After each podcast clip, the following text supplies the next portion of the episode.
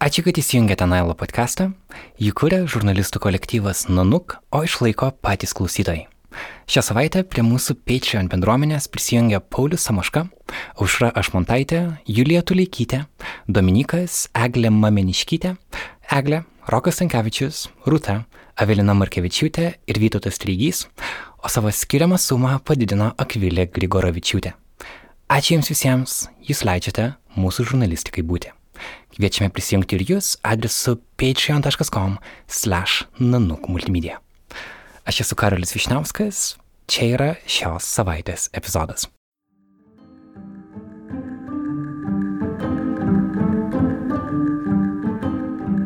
Man atrodo, kad nėra nieko iš principo įdomiau negu žmogaus seksualumas šitam pasauliu. Yra daugiau saugumo, tikrai yra daugiau saugumo. Nes su tuo pačioje pradžioje, kai tas atvirumas atnešė kokią destrukcijos ir kokio tipo pažeidžiamumo laipsnį, tai man atrodo, kad tikrai nu, palyginus su, su dabartiniu laikotarpiu yra tikrai geriau. Um, klausimas, ar yra gerai.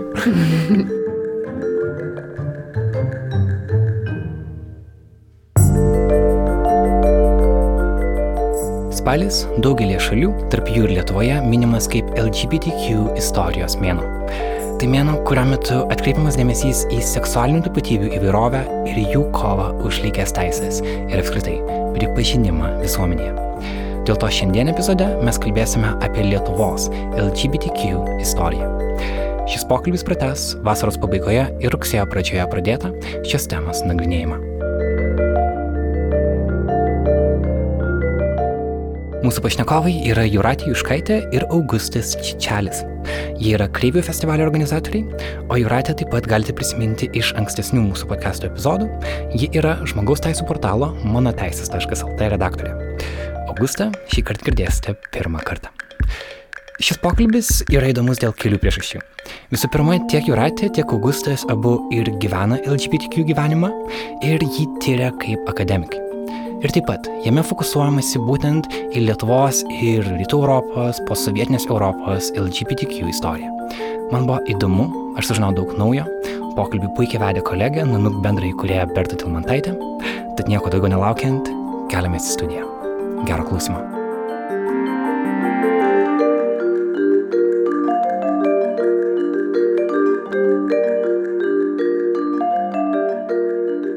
Pradėti norėčiau nuo prisistatymo jūsų, kad žmonės susijėtų jūsų vardus, kuris yra kas ir kad prisistatytumėt ir kas esat ir ką veikiat ir kad įvardintumėt, jeigu nieko prieš ir savo tą tapatybę arba orientaciją, kad būtų aišku. Bet vėl, kiek patys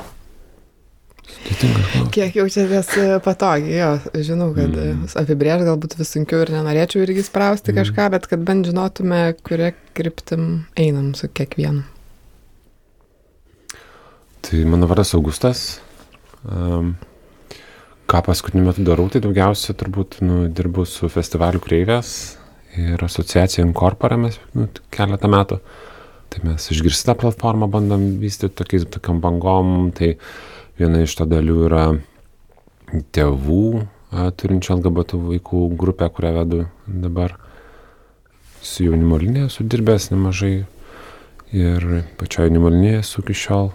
Taip pat ir na, emocinė parama labai man irgi toks svarbus aspektas yra ir, ir emocinė parama LGBT žmonių, tai ypatingai ir kažkaip LGBT plačiosios bendruomenės gal, tai vat, dėl to tėvų grupė irgi tokia kaip ir atsiranda kaip dalis bendruomenės plačios. O asmeniškai gyvenime, ką žinau, nu, gyvenu su partneriu, nu, tai su taktiniu iš tikrųjų netgi, tai taip labai kažkaip sunku pasakyti. Nes toks. Paprasta. Paprasta, jo, bet tas kažkoks vestuvių arba ten su, nu, su toktuviu, nežinau, faktas, kažkoks labai sudėtingas, atrodo, kažkoks dalykas. Ir, ir labai neįprasta gal tiesiog sakyti tą Lietuvoje, ar ne, nes kažkaip atrodo, kad kai, kai Lietuvoje nėra. Bet mes esame susitokę Danijoje su, su, su mano uh, kartu jau, kiek čia, mm, daugiau negu du metus, tris, tris, trejus metus bus dabar. Mm. Ratim. Tai taip formaliai labai žiūrint, kas yra paprasčiau, tai aš esu Juratė Juškaitė, Lietuvo žmogaus teisų centro komunikacijos vadovė, taip pat dirbu kreivėse ir esu nosį kišusi nemažai LGBT iniciatyvų ir aktyvizme dalyvauju irgi jau, gal ne nuo šeštų metų, gal kokių septintų, aštuntų labiau. Bet, bet kai tuos formalius tokius dalykus e, tarsi numeti ar ne į šoną, arba ir kai jau klausimas yra toks truputėlį esminis, tada pasidaro labai komplikuota, nes e, galvoju, kaip man dabar čia apsibriežti seksualinės orientacijos pagrindu, pavyzdžiui. Nu, pirm, galėčiau sakyti, kad esu lesbietė, bet aš nesijaučiu moterimi esanti, ne, mano lytinė, lytinis, tap, lytinė tapatybė nesutampa šiuo atveju. Tada galvoju, mm, ok, jeigu aš nes, neturiu aiškios lytinio, e, ta prasme, lytinės tapatybės, ar ne, tai, e, tai kaip aš esu LGBT aktyvizme, jeigu aš neaišku, kas apskritai esu. Ir e, ar aš esu transžmogus, gal jo kažkiek taip.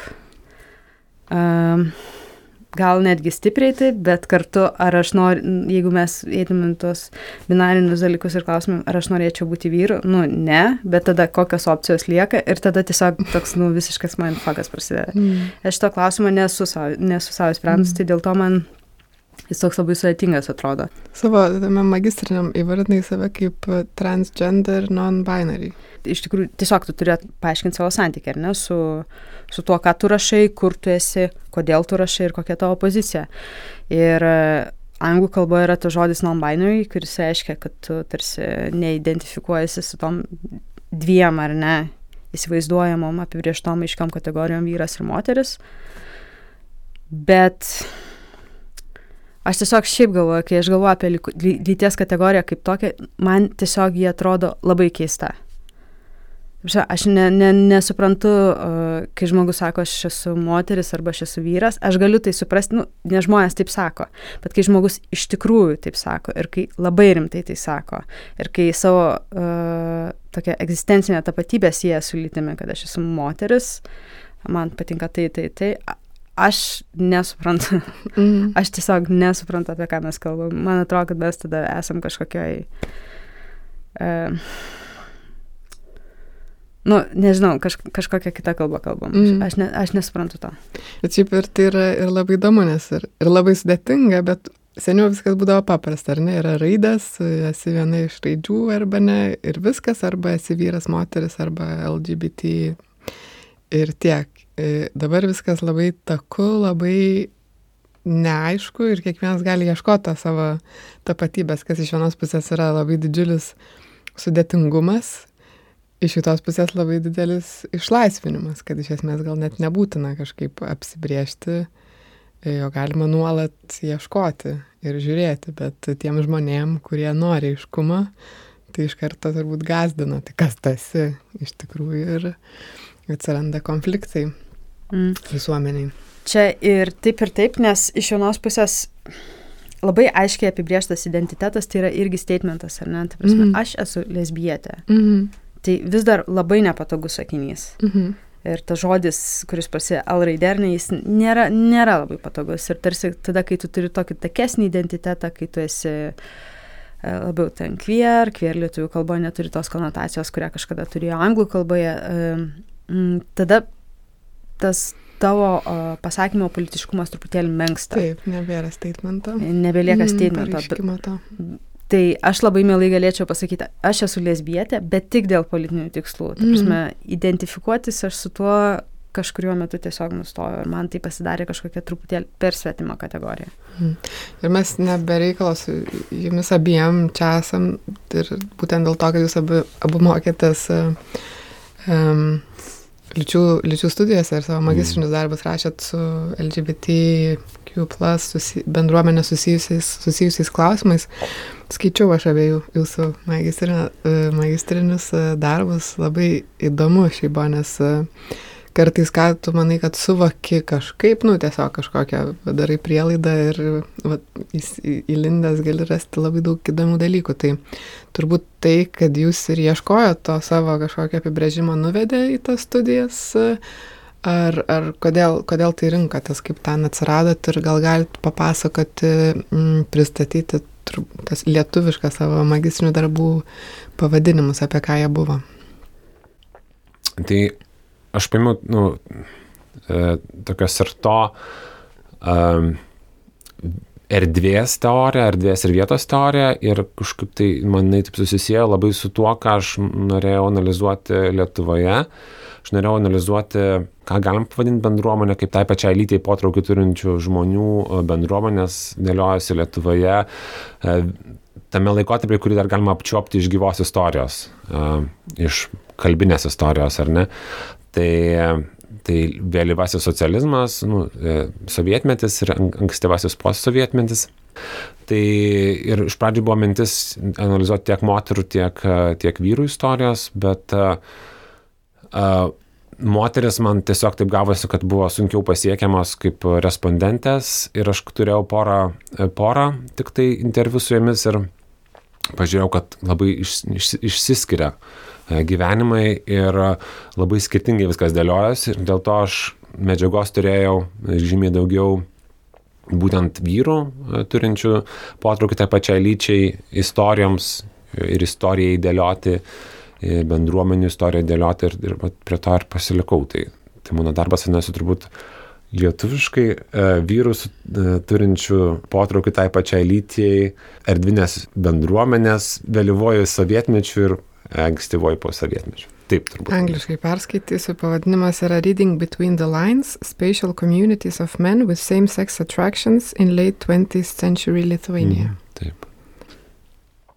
Jūratė tavo darbas. Mhm. Angliškai Transgender People in Lithuania or an Ethnography of Illegal Community. Taip, aš. e, Jo, gerai, kad perskaitai, nes jeigu reikėtų pasakyti, aš tikrai neatsiminčiau. Um, aš gal pradėsiu irgi truputėlį nuo toliau, kaip aš e, atsidūriau tose lyčių studijose, nes man atrodo, kad nėra nieko iš principo įdomiau negu žmogaus seksualumas šitam pasauliu. Nes tai yra taip keista, neapibriešta, tai yra susiję daugelį, daugelį atvejų su gėda, bet kartu yra susiję su praktiškai didžiausių malonumų įmanomų, ar ne, kurį žmogus gali patirti. Yra daugybė, daugybė prieštaravimų. Ir tuo pačiu, nežinau, gal keista, bet iš tikrųjų aš turiu kažkokią meilę queer bendruomeniai. Aš kartu, kartais nuo šitų žmonių lai- lai- laikausi ir toliau, ir, ta prasme, laikau atstumą, bet kartu iš principo, gal net na- nacionalistiškai nuskambės, bet tai yra mano tauta. Queer Nation. Queer Nation. Ir e, aš jaučiu, kad, e, su, kad aš lab, daug labiau atsipalaiduoju ir daug laisviau galiu kalbėti su šitais žmonėmis. Ir e, tai turbūt lemia ankstesnės patirtis, bet tai yra žmonės, kuriuos aš iš principo myliu. Todėl man tai buvo svarbu. Iš vienos pusės ta didžioji tokia paslaptis seksualumas, apskritai seksualinė orientacija, kas čia veikia, ta prasme, seksas, čia irgi geras klausimas, ar ne, tyrinėjimui. Ir tada visa šita bendruomenė. Ir, ir tada atėjo klausimas, aš bet kokia atveju galvojau, kad translyčiai yra dalykas, kuris yra netyrinėtas, kur yra labai mažai dėmesio skiriama, pati turėjau labai keistą ir iki šiol turiu keistą santykių su translytiškumu, nesuprantu, aš čia ar ne čia. Ir, ir, ir nuėjau pas savo darbo vadovą ir, nu, sakau, žinai, tai būtų faina parašyti apie translyčius. Aišku, informacijos yra labai mažai, jos nėra. Jeigu kalbi su translyčiai žmonėmis, tai jie maždaug galvoja arba save, galima sakyti, netgi tam tikrą prasme jų atsiradimo laikmetį, netgi ten tokia idėjinė prasme mato apie maždaug 2010, gal truputėlį vėliau.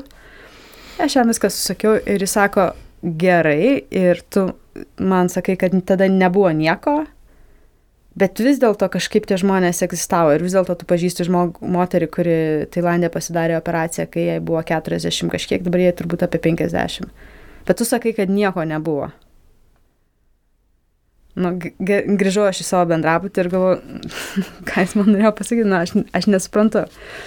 Tada e, kažką dar paskaičiau, nes man davė literatūros, tada po kelių savaičių vėl susitinku ir aš jam vėl tą patį kartoju. Ir mūsų buvo kokie 4-5 tokie susitikimai ir aš tada paskui galvoju, okei, okay, dabar jau supratau.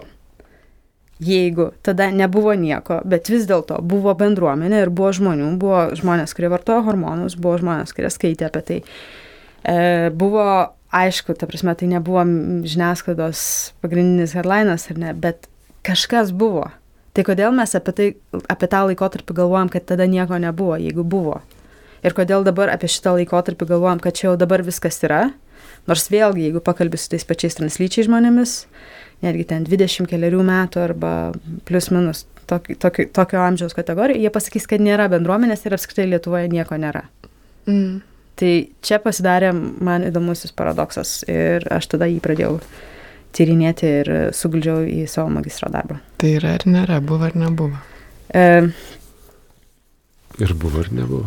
Ir buvo, ir nebuvo, nes e, žiūrint be abejo į, laik, į, į sovietinius laikus ir apskritai sovietų LGBT politiką, jeigu galima taip įvardinti, tai be abejo laikai buvo be galo sudėtingi ir žmonės informaci žmonėms informacijos didelė dalimi trūko.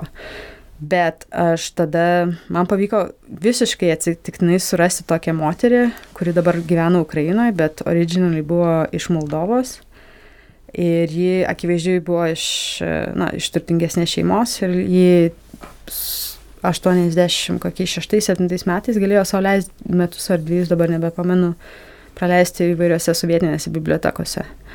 Ir jis surinko, jeigu vėl dabar nes, nesuklysiu skaičius, 666 šaltinius, kuriuose buvo... Ne, mačiau pas tave magistrą šitą skaičių.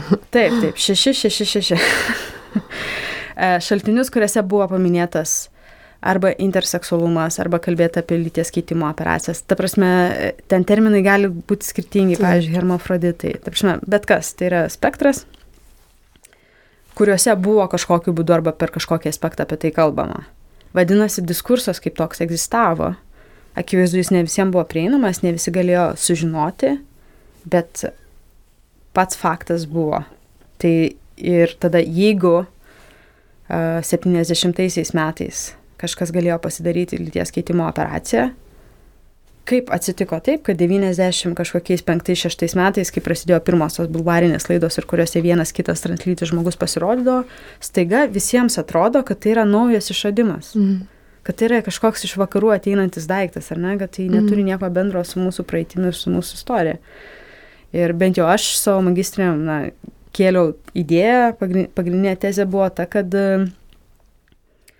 kad išeinant ar ne iš to sovietmečio uh, vyko ir per seks, sexual politics arba seksualinę politiką vyko toks, galima sakyti, išradimas rytų, rytų Europos iš naujo.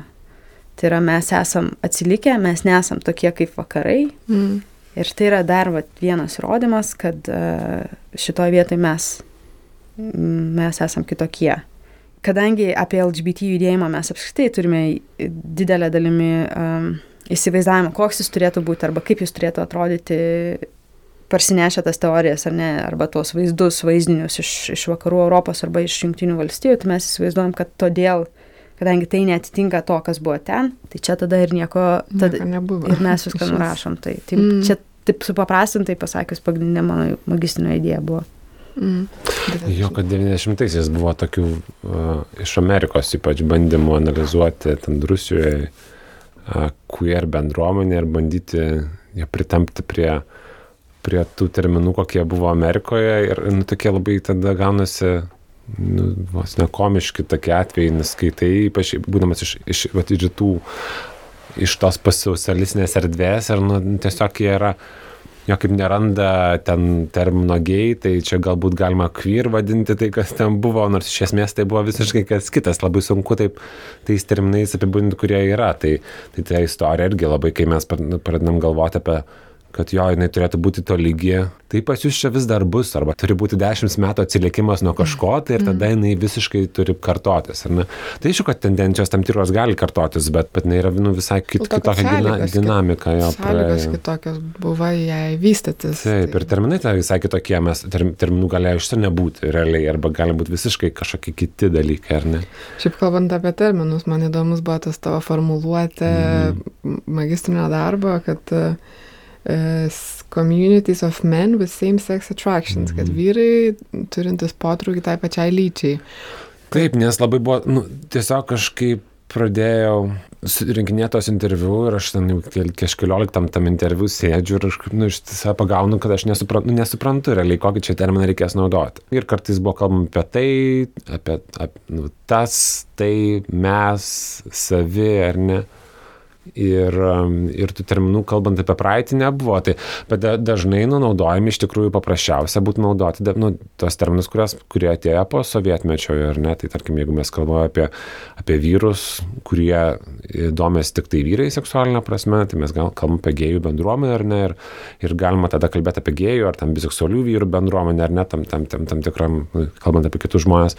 Bet, e, bet kai kalbė apie praeitį, nu, liktai atrodo, kad nu, taip sudėtingai, tai dažnai daro žmonės iš tikrųjų, nes taip gerokai paprasčiau yra. Mhm. Bet aš savo pasėmiau tokią sudėtingesnę užduotį, kad netrodytų, kad viskas va taip yra savame suprantama. Daug tų terminų atsiranda ir kodėl va, turėtum naudoti tą, kuris, iš kurio tu ateini va, iš dabartinės perspektyvos, ar ne? Tai žymiai yra įdomiau kažkaip tai kalbėti tais kitais terminais, bet tengi tų bendruomenių buvo labai įvairių ir labai tų erdvių įvairių buvo, tai labai jas rodo sunku vieną apibrėžti, bet kas yra jungia, tai nu, va, tas uh, būtent potraukis, e, seksualinis potraukis tą pačią lyčiai. Tai...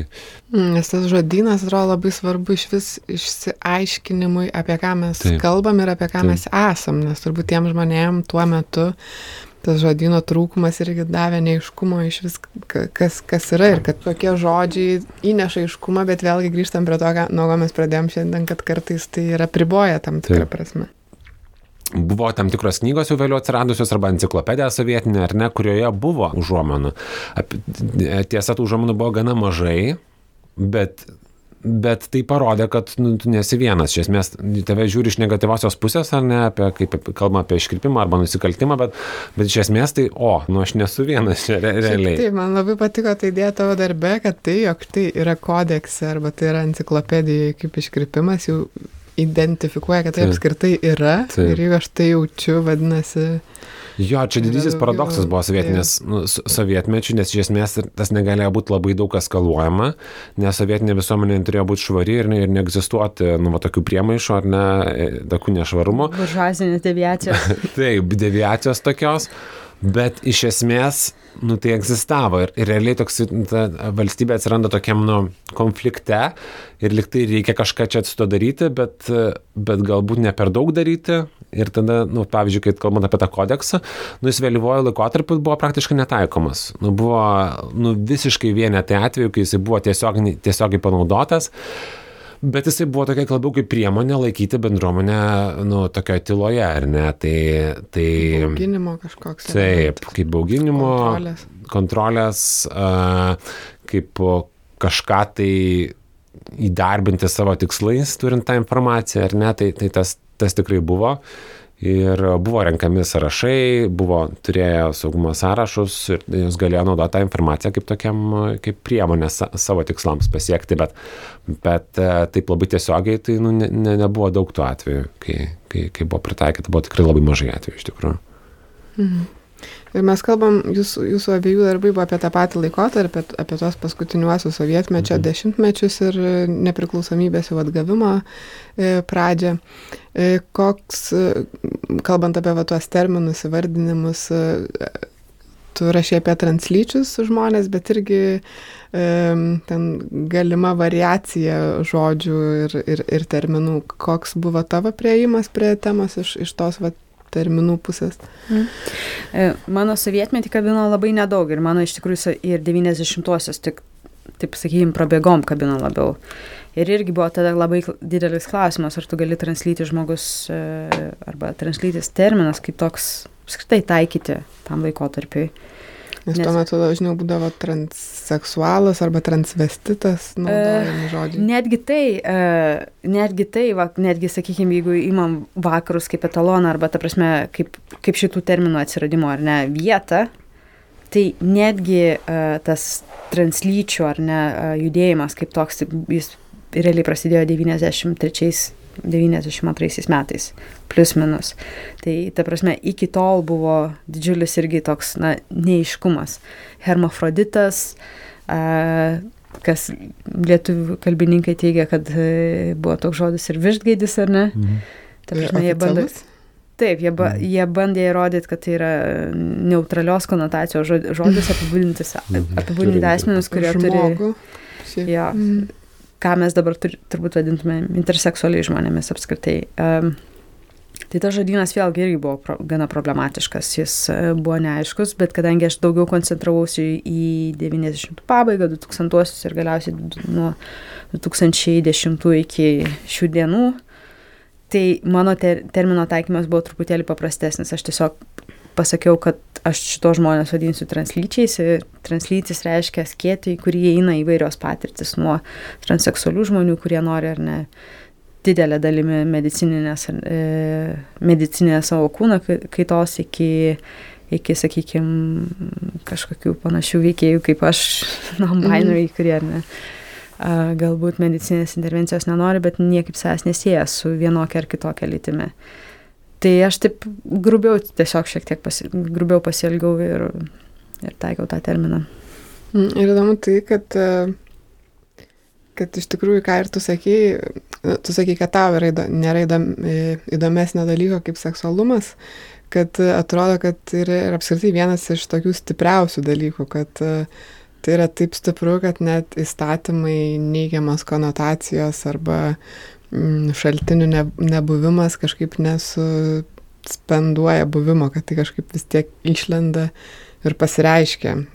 Neseniai Ester Pa- Parel klausiau podcast'o, pokalbio su ja, kur jinai pasakė, kad e, eroticism is like antidote to death, kad tai, kad ta erotika, erotiškumas yra tarsi mirties prieš priešą atsvara kažkoks.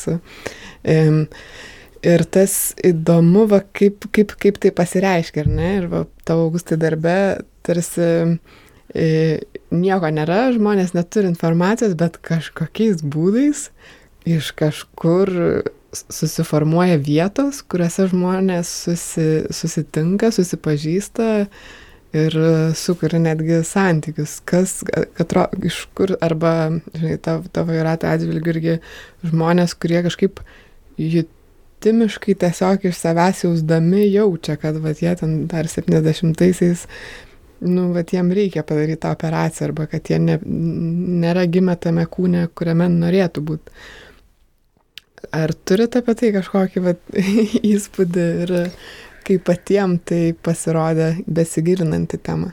Em, Man atrodo, iš vienos pusės aš suprantu, ką tu sakai ir iš tikrųjų yra tas toks, toks galima sakyti, išgy, išlikimo instinktas praktiškai, kur tu jauti, kad tu nesi tas, kas tau yra bandoma pasakyti, ar ne, kad tu esi.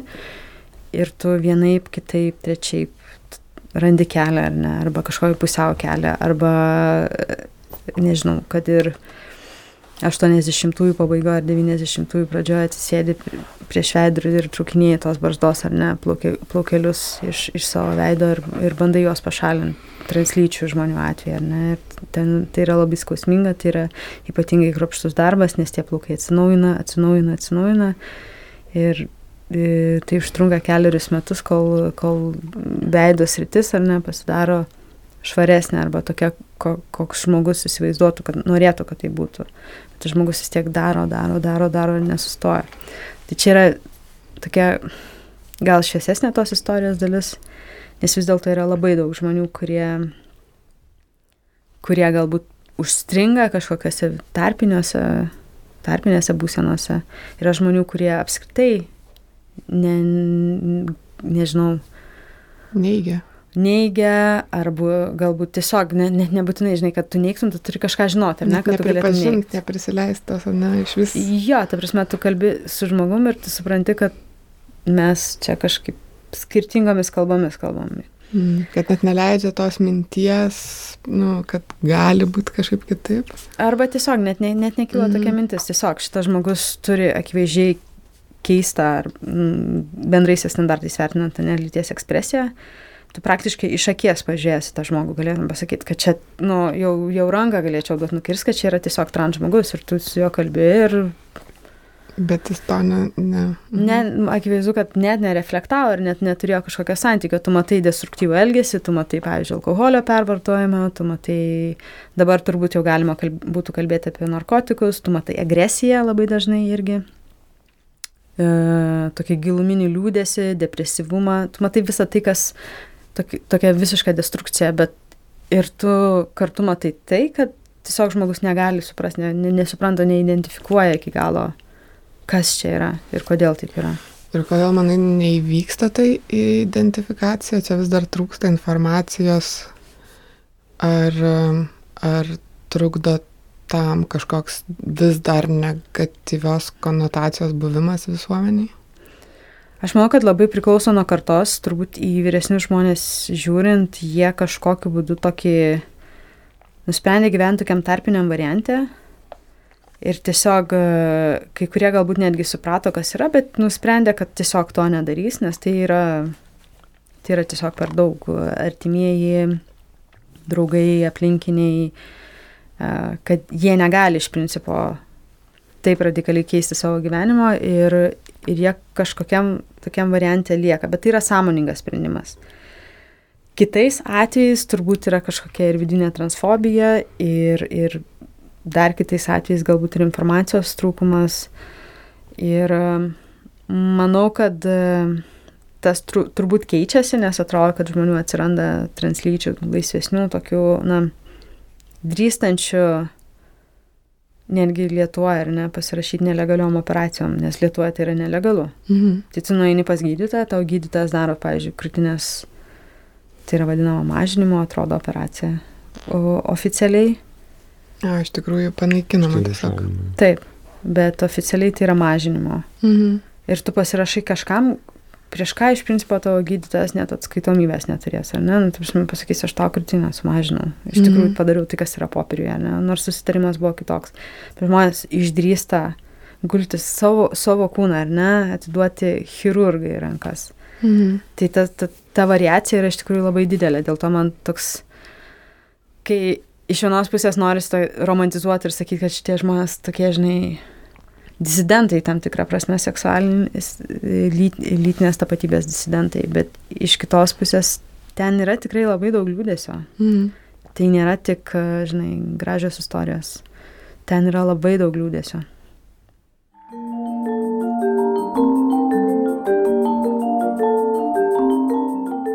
Čia įsiterpsiu padėkodamas mūsų rėmėjams, kompanijai MailerLite Jie yra sukūrę naujienlaiškių platformą, kuria naudojasi virš 500 tūkstančių kompanijų visame pasaulyje, įskaitant mūsų pačius. Naujienlaiškiai išgyvena atgimimą, tai yra geras būdas burti auditoriją, išvengiant Facebook'o ir kitų socialinių tinklų. MailerLite turi paprastą vartotojo sąsają, jie duoda išsame statistiką, kiek žmonių tavo naujienlaiškį atidarė. Ir svarbu tai, kad ši platforma veikia nemokamai iki pirmo tūkstančio gavėjų. mailerlite.com ten viską galite išbandyti patys.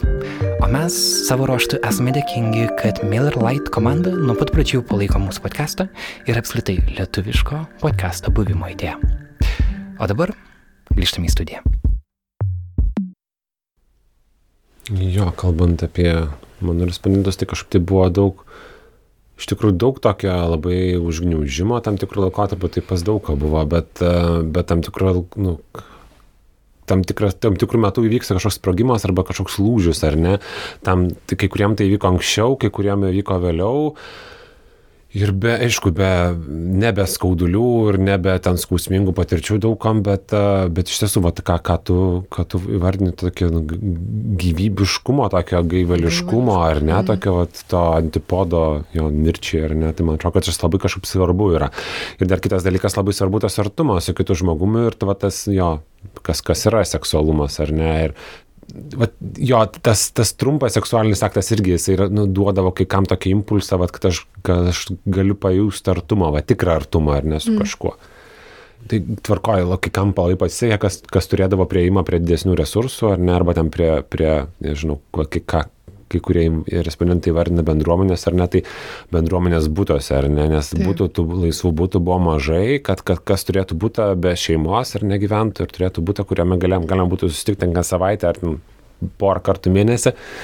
ar, arba net kartais dažniau negu kartą per savaitę, tai, tai čia buvo labai didelė prabanga ir reikėdavo papulti tos, į tuos ratus būtent tokių žmonių. Tai, Tai dažniausiai tai būdavo vis tiek tie susitikimai tokie nu, trump, trumpi, bendrose erdvėse, dėl ko kalbame apie ten tualetus ar ne, nes tokie tualetai tokie įdomus dalykas, tok, nu, liktai bandoma segreguoti atskiriant visuomenę pagalytis ar ne, kad sumažinti seksualinę įtampą, bet iš tikrųjų tai atvirkš, atvirkštinis variantas kai kuriems gaunasi dėl to, kad ta, tai yra tokia erdvė, kur tas intimumas gali egzistuoti, taip daugiau mažiau, taip teisiškai gali visai būti, ar ne. Tai, tai aišku, ta intimi erdvė tualetai jinai buvo uh, paversta tokio, nu, seksualinio pasitenkinimo, seksualinio ryšio ar nepaieškos uh, dalyko. Uh, parkai, aišku, tokia antra kategorija, nes tualetai tokie kaip ir vienas dalykas ir pavojingesnė atrodo ir, ir, ir šiaip nu, nelabai tokia švari vieta, ar ne. Ir um, trump, trump, trumpesnio santykio vieta, ar ne parkai ir paskui, o paskui...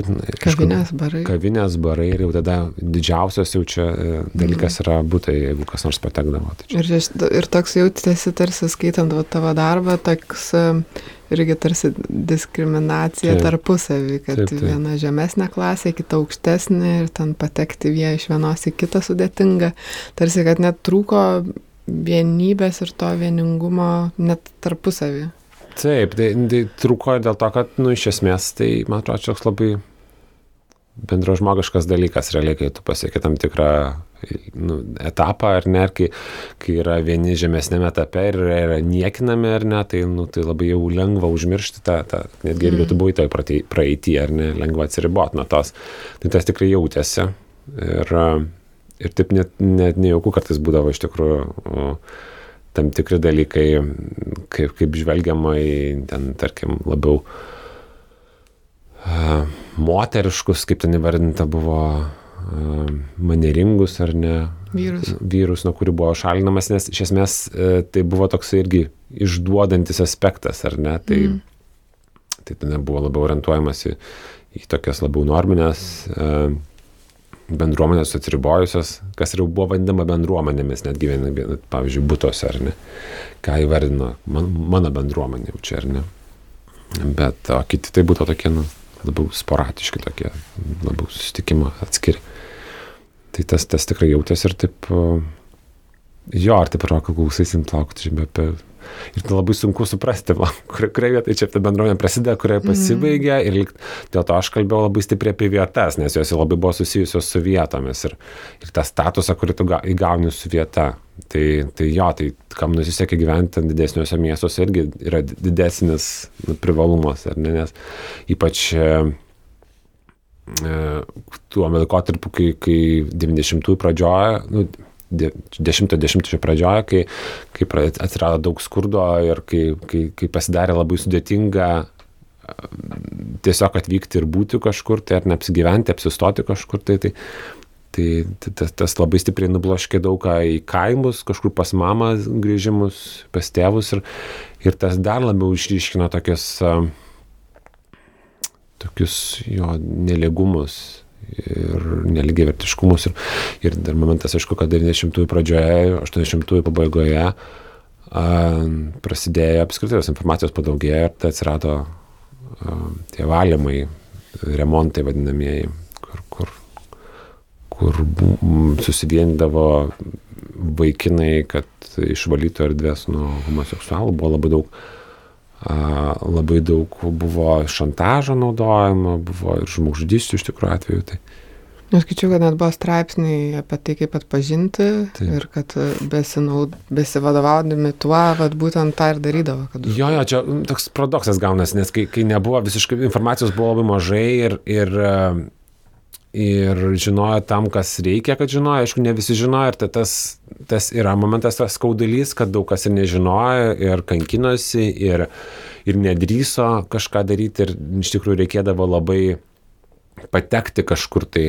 Čia buvo sėkmės kai kuriam dalyk reikalas, kitiems, kitiems, nu, tiesiog taip susiklo, nu, informacija pasiekdavo tokia ar ne. Tai, tai tas, nu, tas vienas kito atpažinimas iš kažkokių tai neiškių, neapibrieštų dalykų, erdvių atpažinimas, kad palauk, palauk, čia apie mane šitą erdvę, ar ne, kad čia palauk, kažkaip tai čia kažkas čia vyksta, kas man visai įdomu, ar ne. Tai, tai taip reikėjo patekti tą, reikėjo tiesiog, tai, tai tam, kas žin, kam, kam reikėjo, daug kas žinojo, O paskui, kai jau pradėjo informacijos daugiau e, atsirasti, tai 90-ojo dešimtmečio pabaigoje, tai prieš nepriklausomybę pat atsirado tam pirmieji straipsniai, kurie, kurie rašydavo, kaip atpažinti ir kurie čia renkasi ir, mm. ir kas čia vyksta. Ir tai daugam atsirado tokios pretekstas, nežinau, ar galimybė iš to pasipelnyti vienas dalykas. Kitiems tiesiog, nežinau, kažkaip, kadangi daug to nesaugumo buvo tuo metu, atsirado galimybė nu, kažkaip save įprasminti, turbūt irgi kitus pažeminant ir išvalant visuomenę nuo... Mm, skaičiau, kad net būdavo tokios situacijos, kad nueidavo į tuos barus, neva suviliodavo, pareidavo namo ir tada apiplėždavo, padurdavo kas tą žmogų pastatydavo į tokį dvigubą pavojų, nes jis jau negalės pasiskūsti, mm. nes jis e, nu, tar, e, buvo santykis su vyru, ar ėjo į santykį su vyru, kas jau yra, tarsi, dar tuo metu galbūt buvo nusikaltimas. Taip ir buvo, jau. Mm. E, bet iš kitos pusės tas irgi įdomus buvo toks dalykas, kad tarsi informacijos nebuvo, nieko nebuvo, nieko nežinau, ir tada, kai tu pradėjai klausti apie vietas, atrodo irgi vietų nebuvo, bet staiga E, pasipylė labai daug vietų ir ten iš vis galiausiai palanga buvo vyrų nudistų pležas absoliučiai rojus, kur atskrisdavo iš visos Sovietų sąjungos e, vyrai ir susipažindavo vieni su kitais. Tai tarsi toks iš vienos pusės lab, nieko nebuvo trūkumas, bet iš kitos pusės kažkaip, kažkaip viskas vyko ir netgi vyko labai intensyviai kai kuriuose vietose. Tai aš šipsausiu, kai, kai, kai Vatiratė pasakė, kad, nu, kaip, kaip, kaip, kaip jam klausimą už, uždavė, tai kaip tai nebūdavo, jeigu vat, būdavo, ar ne, kaip, to, kaip, kaip nebūdavo, jeigu atsirado, nes mas man buvo tas, irgi daug kas kalbėjo, tai nebuvo gėjams skirtų vietų nebuvo visiškai. Ir kalbame apie, vat, kad, kada, kada mes startuojame ant tos pozicijos, kurioje mes e, esame dabar ir ką mes įsivaizduojam, kad yra gėjus, gėjams skirta vieta, nu, tai, tai aišku, kad nieko nebūdavo. Tai aišku, kad nieko nebūdavo, bet paskui, kai pradedi kalbėti apie tai, kur susitikdavo žmonės ir kur užmėgsdavo santykius ir kur santykius turėdavo, tai, tai būdavo krūva dalykų ir krūva tų vietų. Tai Vilniuje tai buvo, nežinau, nu, keliolika turbūt mažiausiai, jeigu nedaugiau tų vietų. Jo, tavo minėta palanga, Kaune būdavo parkai ir, ir, ir vietos.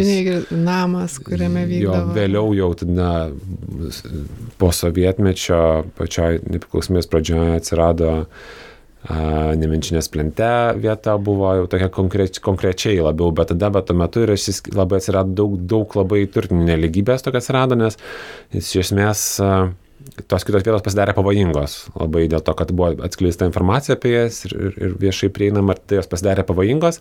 Ir tada žmonės paprasti, kurie, kurie e, neturėdavo galimybių, ne, nu, neturėjo būto Vilniuje, negalėjo grįžti namo saugiai, kurie jo gyvendavo kažkur tai mažesniuose miesteliuose, praktiškai gavosi, kad, kad jiems buvo per daug sudėtinga iš tikrųjų tenais vat, atvažiuoti, susipažinti su kažkuo tai ir susitikti su kažkuo.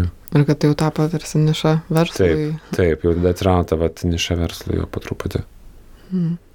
Kalbant apie translyčius žmonės, kad um, JAV berots translytis asmuo, o ypač jeigu tai yra juodavodis, tai šis yra labiausiai diskriminuojama e, žmonių grupė apskritai, e, viena iš labiausiai diskriminuojamų. Ir LGBTQ bendruomeniai tai irgi tarsi tokia dviguba diskriminacija, kad kažkodėl daugiausiai e, dėmesio yra skiriama gėjam, homoseksualiems vyrams, tada galbūt moteris, biseksualai iš vis neaiškus, o translyčiai dar tarsi labiau marginalizuojami ir, ir jų teisės ir poreikiai galiausiai tik ateina neva susitvarkius su viskuo kitkuo. Ar taip ir yra, kaip tau atrodo? Mm, man atrodo, kad žvelgiant į taip, kaip įvykiai klostėsi Lietuvoje, tai tam tikrą prasme pagrindžia šitą paradigmą, nes e, iki, iki įstojimo į, į Europos Sąjungą, Lietuvos įstojimo į Europos Sąjungą buvo, galima sakyti, yra na, toks kaip ir konsensusas, kad e, laikoma, kad, e, sakykime, prieš LGBT judėjimą nusiteikusios jėgos, pavyzdžiui, Romos katalikų bažnyčia arba kiti politikai, jie iš principo sėdėjo Amerikio uodegas ir tylėjo, nes ES tikslas buvo strateginis ir buvo aišku, kad Lietuva turi įstoti, ar ne, taip geopolitinis tikslas, tai yra ekonomika, visa kita, ar ne, Na, atsimenam tą vaizduotę, kuri, kuri buvo susijusi su ES. Bet ES reiškia ir lygybės įstatymus, ar ne, norminius aktus tam tikrus. Ir Ir kai Lietuva e, priminėjo, pavyzdžiui, lygių galimybių įstatymą, tai nebuvo kažkokios labai didelės kontroversijos. Tiesiog tyliai buvo priimtas įstatymas, kurio reikėjo tam, kad įstotumėm į ES.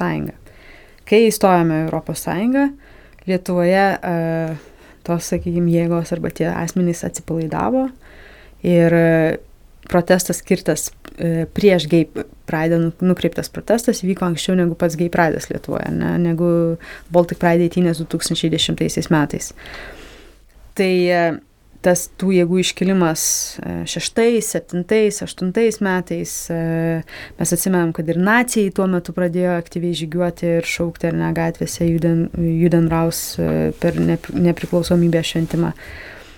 Mobilizavo LGBT bendruomenę tam tikrą prasme.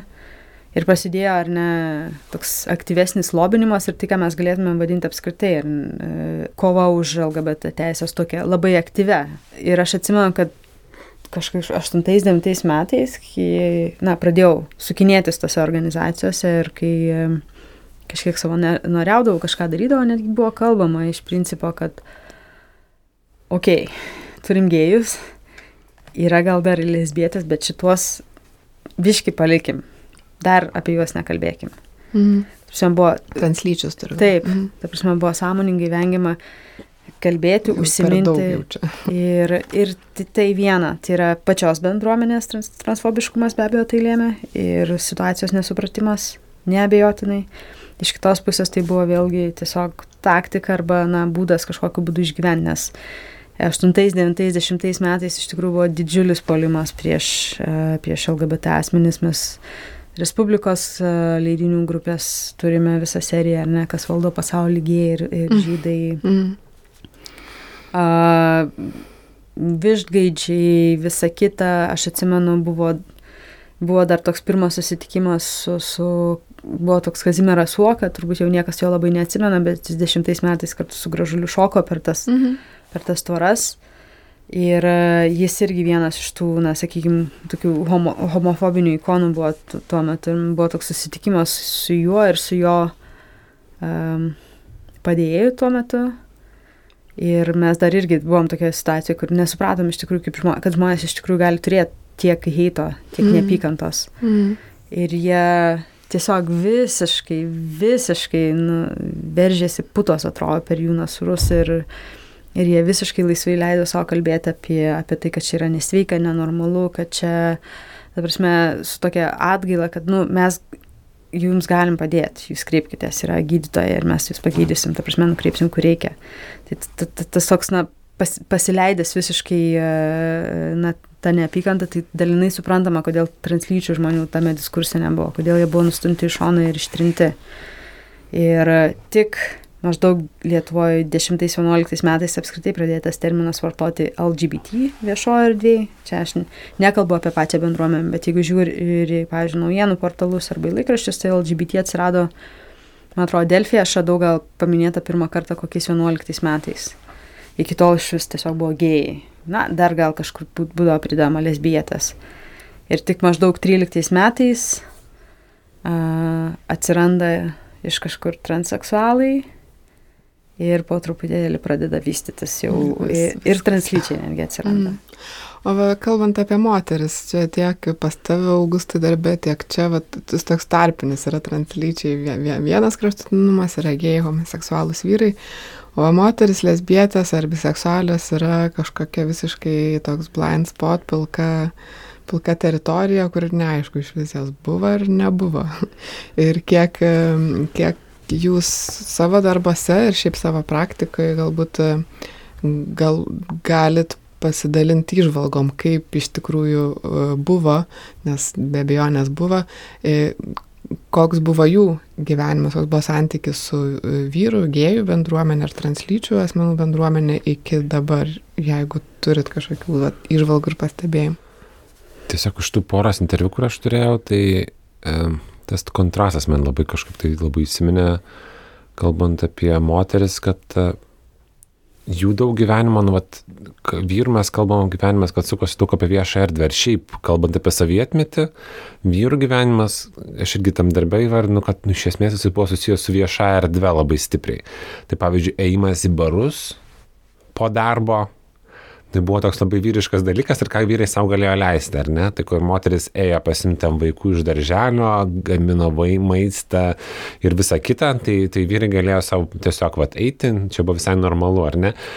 Tai kalbant apie lesbietės, tai labai daug buvo sovietmečių buvimo namuose. Tai pavyzdžiui, jeigu jau susirasdavai, nu kažkur, kažkur nu, taip porą savo, ar ne? Partnerę. Partnerę, moterį, moterį ar ne, tai, tai realiai su, su ją ir nu, gyvendavai tokį uždarą gyvenimą ir santykiai dar, nu, trukdavo ilgai, ar ne, ir toks, nu, toks, vad, grinai būtyje, namuose gyvenimas, ar ne, kamas man labai stipriai nupaliko tokį įspūdį. Nes iš vienos pusės atrodo, kad moterim buvo lengviau, nes, tarkim, įstatymas baudžiamasis baudė tik vyrus už homoseksualius santykius, moterų tai nelėtė. Moteris e... lėtė tik tiek, kad, nu, šiaip nu, jas labiau psichiatrinė. Psichiatrinė, taip, galėjo, bet, tarkim, baudžiama, e, nubaus negalėjo kaip, kaip už nusikaltimą. Iš šitos pusės atrodo lengviau, net ir šiandien, jeigu moteris eina susikibusios, nu, tai gal tiesiog geros draugės ir kad tai yra daug paprasčiau, bet tai žiūrima net gražu galbūt tai kai kam yra. E, bet iš kitos kitos pusės, tai tada apverčia tą tokį sudėtingumą vėl. Nėra to statemento, to kažkokio pareiškimo ir išsireikalavimo, kad tai irgi yra lygiai taip pat kaip e, vyrų. Nu, čia toks nemat, nu, ne, čia nematomumo aspektas, kas yra labai svarbus, man atrodo, ir toksai nuvertinimo apskritai, to mm. moterų seksualumo nuvertinimo kad jo realiai viešoje erdvėje nu, nėra. Nu, ai, nu tai čia, nu, ką, nu, tokio atrodo pavojaus nematymo toho, kokią matome nu, kitose santykiuose. Taip, arba tai pornografijoje. Tai taip, dar, dar, taip, dar, tai tas toks, nu, tai man atrodo, čia yra toks nu, labai žiaurus dalykas, nu šiaip labai žiauri situacija, kai, kai realiai nu, absoliučiai yra nuvertinamas moters seksualumas ir jinai pastatoma į tokią, nu, vat, jo, tokį juoko kažkokio tai e, dalyką, ar ne, apskritai da, tas santykių susiradimas irgi labai tam, tampa sudėtingas tokioje situacijoje ir, nu, buvimas santykio ar neegzistavimas atviroje erdvėje, nu, jis toks kažkoks pasidaro visiškai, nu, nežinau kas yra, nu, aš nesakyčiau, kad jo geriau čia yra. Tarsi seksualumas tik vyrų kažkoks. Jo, pri, nu, pri, pri, privilegija tokia. Mm. Mm. Man atrodo, aš labai sutikčiau su tuo, kad tu sakai, kad tai yra labai privačios, ir, tai privačios erdvės klausimas buvo. Ir kad, kai mes kalbam apie, be abejo, ir kai kalbam apie gėjus, apie vyrus, ir kai kalbam apie lesbietės moteris, mes turim turėti omeny, kad seksualinė orientacija yra vienas, ta, viena tapatybės dalis, bet daugeliu atveju jų elgesi arba, na, gyvenimo būdą lemia būtent lyties aspektas, kuris netgi dar labiau nulėmė mhm. negu, o, negu ta seksualinė orientacija. Na, ir jeigu dabar žiūrėtumėm, pavyzdžiui, į LGBT judėjimą Lietuvoje ir žiūrėtumėm, ką daro moteris ir ką mhm. daro vyrai, ne, arba, ta prasme, kaip jis atrodo, jis atrodo moterų ir vyrų o, daromi dalykai atrodo gana skirtingai. Mhm. Nes pavyzdžiui, 13 metais buvo įsteigtas Piktų lesbiečių festivalis, jis paskui transformavosi į Safo festą, bet tai yra bendruomeninė veikla. Tai yra, na, tam tikra prasme, ar ne, tas moters stereotipas, nu, kur moteris dirba kitom moterim, jos padeda vien, viena kitai. Bendruomeniškumas. Yra bendruomeniškumas, yra turbūt didesnis bendruomeniškumas. Mm. Yra Gender Wrongs vakarėlių serija, ar ne? Už juos mes niekada negavom jokių pinigų, ar ne? Tai yra interesas į visuomenę, tai yra tiksliau interesas į bendruomenę, į investavimas į vieną kitą. Arba yra, sakykime, krepšinio komanda, ar ne? Kur yra iš principo vėlgi Gender Wrongs taip pat vadinasi, kur vėl žaidžia praktiškai tik moteris, ar ne? Vyrų struktūros yra kitokios, labiau tam tikrais lyderystės, ar ne, tam tikro individualizmo principais pagri, pag, pagristas matomumas. Mes irgi, turbūt eilinis žmogus Lietuvoje galėtų pasakyti homoseksualius du vyrus, ar ne, arba šitam podkastui, ar ne, mes ieškojom moters vyresnės taip pat, ar ne, kuri galėtų kalbėti. Tai vyrą surasti buvo gerokai lengviau. Moteris nenori pasakoti savo istorijų nes joms netrodo jos tokios vertingos, jos atrodo mhm. emociškai arba gerio, gerokai labiau prisirišusios, jos yra apie jų, jos jas saugo labiau, jos nesaugiau jaučiasi. Ir e, ta lyties ne tas lyties aspektas taip stipriai žaidžia visam pačiam LGBT judėjime, kad e, apie moteris mes praktiškai nieko nežinom, istorijos e, aspektų irgi yra nedaug. Verta šitam kontekste paminėti ir pačios, kad LGBT arba ar ne, gei, gei ir biseksualus vyrai vėlgi nėra laisvi nuo, nuo normų arba nuo stereotipų, kurie yra susijęs su lytimi ir tas seksizmas vėlgi bendruomeniai vėlgi yra labai stiprus. Nes e, vėl to aiškumo dėlį seniau būdavo tarsi irgi, na, yra vyras, jam patinka arba vyras, arba moteris, arba yra moteris, patinka vyras ar moteris, arba jiem gali abu patikti. Bet dabar atsiranda ir tas kitas pokalbis, kad moteris gali jaustis vyru, bet jai gali patikti moteris arba vyrai, vėlgi nepriklausomai, kad tai yra daugias luoksnis tapatybės savęs ir savo seksualumo suvokimas. Ir tada atsiranda problema gal ir apie tai kalbėti ir visuomeniai suvokti. Tai Ir kitas dalykas, kad vis iki šiol, galbūt iš tos praeities, yra tos likusios neigiamos konotacijos, kad jeigu seniau tai buvo matoma kaip nusikaltimas arba psichinė lyga, dabar žodžiai susiję su e, seksualumu ar seksualinė orientacija vis dar naudojami įžeidimui, e, vis dar naudojami patyčiom, ne, nebūtinai skirti žmogui esančiam LGBT ar kažkaip apskritai kvesionuojančiam savo tapatybę ar, ar orientaciją, bet tiesiog žmogui e, gali būti įžeidimai naudojami žodžiai susiję e, su tuo, kad vis dar yra kažkoks neigiamas krūvis. Ir ar jūs matot kažkokį poslinkį ir pokytį nuo to laiko, nuo sovietmečio, į, į kurį šiek tiek, į, į kurį lindo Augustas daugiau, tu galbūt mažiau, iki dabar tų neigiamų konotacijų kažkokį persivertimą į neutrales arba teigiamas galų gale į visuomenės požiūrį į šituos, į, į bendruomenę LGBT. Tai iš tikrai matau pokytį. Nu, tas pokytis nu, tikrai jaučiasi ir man atrodo, kad yra daugiau saugumo, tikrai yra daugiau saugumo. E, nes su tuo pačioje pradžioje, kai tas atvirumas atnešė kokią destrukcijos ir kokio tipo pažeidžiamumo laipsnį, tai, tai man atrodo, kad tikrai nu, palyginus su, su dabartiniu laikotarpiu yra tikrai geriau. Um, klausimas ar yra gerai. um, bet nu, man atrodo, kad, kad tik, tik, tikrai yra poslinkis. Nu, mes, mes čia sėdim atkalbam, ar ne, šitas pokalbis išeis į viešą erdvę ir, ir nebus big deal, man atrodo, ar ne? Mm, atrodo, kad nes. Tai, tai, tai man toks momentas, kad mes galim tiesiog vad ramiai negalvodami per daug, ar čia galima šitą erdvėje kalbėti ar negalima. Man, tokio, man atrodo, nusėdim, sėdim tokio erdvėje, kur yra labai vieša erdvė, viena vertus, ar ne, ir galim tą erdvę naudotis kalbėti apie queer klausimus, ar ne. Bet čia nereiškia, kad mes turėtume nuleisti rankas ir dabar galvoti, kad, o, tipo gyvenimas savaime gerėja. Ne, nemanau, kad, nemanau, kad jis savaime gerėja. Aš manau, kad jis gerėja per, per tam tikrus dalykus, kuriuos nu, darome arba daro žmonės. Ja. Nežinau, man atrodo toks e, iš tikrųjų labai sudėtingas klausimas, nes iš vienos pusės mes ar ne, aš 11-14 metais gyvenau New York'e, Junktinėse, valsti, e, Junktinėse valstijose ir tai buvo reformų metas, ar ne?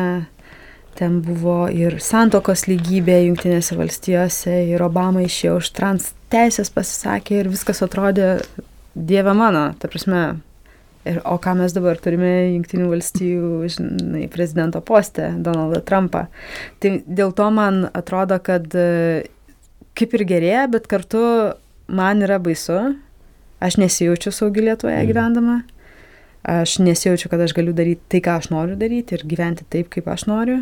Aš matau labai daug heito, kuris yra toks esminis, toks nu, apibrėžiantis, atrodo, tą žmogų, kur tiesiog tas žmogus turbūt jo esminė tapatybės dalį sudaro homofobija. Ir įdomu iš viso, iš kur dar tai kyla. Nu, čia, turbūt, čia turbūt kitas klausimas, bet mm. man yra baisu žiūrėti to mm. žmonės ir aš nesijaučiu saugi, saugi šalia jų. Iš kitos pusės, žiūrėdama jaunesnę kartą, matau galbūt kartais ir paviršutinišką, bet labai stiprų ir aišku LGBT bendruomenės palaikymą. Tai uh, norėtųsi, kad dar ten truputėlį kokybės labiau atsirastų ir žmonės truputėlį aiškiau suprastų, kodėl jie pasisako iš šitų žmonių teisės arba šitos bendruomenės teisės. Bet iš principo man atrodo, kad e, jaunosios kartos tarpė kryptis yra labai gera. Mm, tik reiktų turbūt nepamiršti to, kad kad ir kokį gerą tašką pasiektum, tai nereiškia, kad jau taip ir bus dabar, va, kaip Obamos ir Trumpo pavyzdys, kad visą laiką gali būti vėl regresas ir vėl turėsi grįžti tą tašką, tai kad visą laiką turi vis tiek išlaikyti ir dar, ir dar ieškoti galimybių, kad viskas būtų Taip, ir aš tiesiog pasakysiu paprastą faktą. Nuo 2004 metų, kai Lietuvos Respublika tapo ES nare, nebuvo priimtas nei vienas teisės aktas, kuris pagerintų LGBT bendruomenės padėtį. Ne vienas. Tai e, nuo to laiko praėjo kiek? 15 metų. Žinai, jūs kalbate drąsiai ir atvirai, e, sa, savo vardu, bet tuo pačiu yra žmonių, kurie vis dar negali. Kokios yra grėsmės, vat, konkrečiai vardinant, kas yra baisiausia, kad nekalbėtume apie tą baimę ir grėsmę mhm. kaip apie kažkokį tokį šiaip kažką juodą debesį, bet konkrečiai galėtume vardinti dalykus. Mm.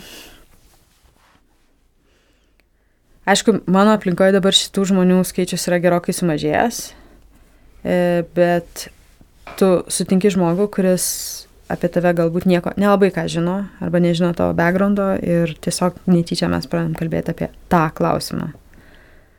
Ir e, man yra nekarta buvo tokių situacijų, kur žmonės tiesiog atvirų tekstų kalba apie tai, kad e, reikėtų galbūt, nežinau, į psichiatrijos ligonės galbūt guldyti, arba galbūt reikėtų kažkokiu susidarojimo priemonių, ar ne, arba apskritai kaip tai yra nemor, nemoralu, nenormalu ir taip toliau. Ir, ir aš tada tiesiog nustembu, aš įsigastu. Nes iš esmės e, tai nebėra nusikaltimas, e, tai nebėra lyga, of, oficialiai visuotinai, bet žmonių sąmoniai tai vis dar yra kažkas blogo. Žinai, Berta, trečdalis Lietuvos Respublikos gyventojų, trečdalis, vienas iš trijų, tai reiškia, ne, mm. nenorėtų dirbti su homoseksualiu asmeniu. Bet dirba, garantuotai. Tai reiškia, taip, bet tai reiškia, kad kažkodėl... Aš... Gal dirbti nenori tiesiog. Nes iš esmės greičiausiai dirba. nu. Tai taip, bet ta prasme, jeigu taip asmuo žinotų, ar ne, kad mm -hmm. dirba su homoseksualiu asmeniu, jis arba jį nenorėtų to. Mm -hmm beveik pusė Lietuvos gyventojų nenorėtų dirbti su translyčiu asmeniu kartu. Tu nemiegi, tu nesidalini, nežinau, tualetų, tu, nežinau, uh, nevaikštai į, nu, ta prasme, darbas tai yra netokia tai personalizuota. Tai ateina iš ne? nežinojimo, nes greičiausiai, jeigu tu dirbi dideliai kompanijai, ten yra ne vienas ir ne du uh, homoseksualus uh, uh, ar biseksualus žmonės, tu tiesiog to nežinai ir tu su jais dirbi ir galbūt tu jiems, kaip va tau kažkas transliuoja savo tą negatyvų požiūrį, bet tu su jais greičiausiai dirbi. Ir galbūt čia vėl tas klausimas to atsiverimo, jeigu visi atsivertų ir visi visi e, atsiskleistų ir jų bendradarbiai pamatytų, kad, oi, čia yra ne vienas ir ne du ir aš su jais dirbu ir jie iš tikrųjų, nu, faini žmonės ir mes fainai dirbam, gal keistusi tai, bet kol tai lieka paslaptim, um, ir yra tas nenoras, nes žmogus bijo kažkokio nepažinaus uh, dalyko. Ja, bet tik tai tiek su tuo atsiskleidimu toks dalykas yra, kad, nu, tai atsiskleidimas yra tokia privilegija, nu, galėti atsiskleisti tam tikram, tam tikram mhm. rate. Ir nemanau, kad kiekvienas žmogus turi būti aktyvistas gyvenime, nes dauguma žmonių nori gyventi savo gyvenimą ir e, būti neliečiami, ar ne? Tai... Taip, bet čia toks dalykas atsitinka, kad dabar atsiskleidus, tu automatiškai tampi aktyvistu. Taip, va šitas, taip, va šitas ir yra momentas, man atrodo, toksai, nu, toks bjauriausia, kad tu paskui turėsi aiškinti visiems apie viską ir tada tu tampi toks dėmesio centru ar ne tam tikrą prasme ir, ir to visiškai nesinori, to kartais taip nesinori. Ir man atrodo, kad vat, kas yra, nu, vat, nepainiausia, nu, vienas iš nefainų dalykų gyvenime yra tas, kad turi aiškinti. Jeigu paliesi ten praido klausimą, turėsi aiškinti tam tikroje aplinkoje. Ir kai tu šiaip įvardinai apie tą, kad nesijauti saugi, nu, iš tikrųjų aš nesijaučiu saugus. Dažnai, labai daugelį situacijų bet nu, čia ne tik tai aš vienas ir ne tik tai jo, daug kas, man atrodo, kas, ypač kas susijęs su tokiu nenorminiu lyties neatvaizdavimu arba vat, kažkokiu tai tave identifikuoja kaip kažkokį kitokį. Vat, vat, tas momentas yra labai, kad sukelintis dėl nesaugumo, ypač naktį, e, ypač tam tikrose erdvėse, pavyzdžiui, kas man yra, nu, aš absoliučiai nesijaučiu saugus tam tikrose erdvėse. Ir man tas, tas turbūt labiausiai kelia pyktį. Aš manau, kad kiekvienas turi teisę jausti saugus. Nu ja, nes e, aš šiaip galvoju, nežinau, tai prasme, mano lyties išaiška nėra, nėra labai jau kažkokia radikaliai, nu bent jau man taip, taip atrodo, bet uh, nu, tie sutrikę žmonių žvilgsniai, jie kartais erzina, žinai, arba ten, pavyzdžiui, e, su vaiku neseniai pirkausi Maksimui ir tada paprašiau pardavėjos, ten buvo savitarnos kasa, paprašiau pardavėjos, kad prieitų ir padėtų, nes sustrigo. Gal aiškumo dėliai paaiškink apie vaikus? E, jo, aš savo partnerio globoju e, dabar tris vaikus ir su vienu iš jų pirkausi, jis yra berniukas. Ir pardavėja tada prieina ir man maždaug sako, o, o, o atsiprašau, aš maniau, kad jūs irgi, jūs broliukai esat. Ir iš principo nieko labai blogo, man tai kaip ir neskaudu, bet man tiesiog nusibosta aiškintis. Ir mm. nusibosta, kad į mane žmonės žiūri. Ir nusibosta, kad aš nueinu į moterų tualetą, nes taip jūs patys susistruktūravo, taip jūs sugalvojot, kad jums reikia atskirti lytis. Aš nueinu, nu gerai, aš einu į tą moterų tualetą. Ir jūs, karočią, visi dabar į mane žiūrit. Mm. Ateini ir tos moteris žiūri, žinai, tipo, krūtinės linija pažiūri. Ok, yra. Tai mm. čia turbūt priklauso, čia ok, bet nu vis tiek keistas variantas, žinai, atrodo jiems. Ir man tai yra tiesiog, nu, žiauriai nusibodę. Aš norėčiau mane tiesiog palikti ramybėje. Aš nenoriu nieko bendro su šito turėti. Nes tai tampa tokiu pirminiu tave kažkaip apibū, nu, apibūdinančių dalykų, kad ne, nesmė, ką tu veiki, nesmė, kaip tu gyveni, tarsi, bet... Aš tai tiesiog nenoriu būti matoma, aš nenoriu mm. būti pastebėta, aš nenoriu, aš nenoriu turėti nieko bendro su šitais žmonėmis mm. ir aš nieko blogo jiems nelinkiu, bet mm. aš tikiu, kad jie man irgi norėčiau tikėti, kad nieko blogo nelinki. Aš norėčiau negalvoti apie tai, kad, žinai, mano pusėserės vestuvės ir, ir ten, žinai, e, aprankos kodas yra black tie ir aš turėčiau eiti su suknelė iki mhm. žemės. Mm -hmm. Ir dar klausimas, ar gali ateiti su savo partnerė? Taip, aš galiu su savo mhm. ateiti. Tu prasme, mano šeimoje tai žino, aš nemanau, kad visiems labai tai patinka ir nemanau, mm. kad visi labai puikiai dėl to jaučiasi, bet uh, tiesiog taip yra.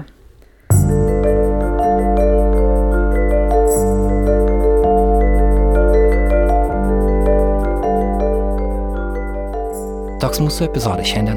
Ačiū, kad buvote kartu. Primenu, kad spalis yra LGBTQ istorijos mėno. Mes jums ruošiame dar vieną epizodą šią temą.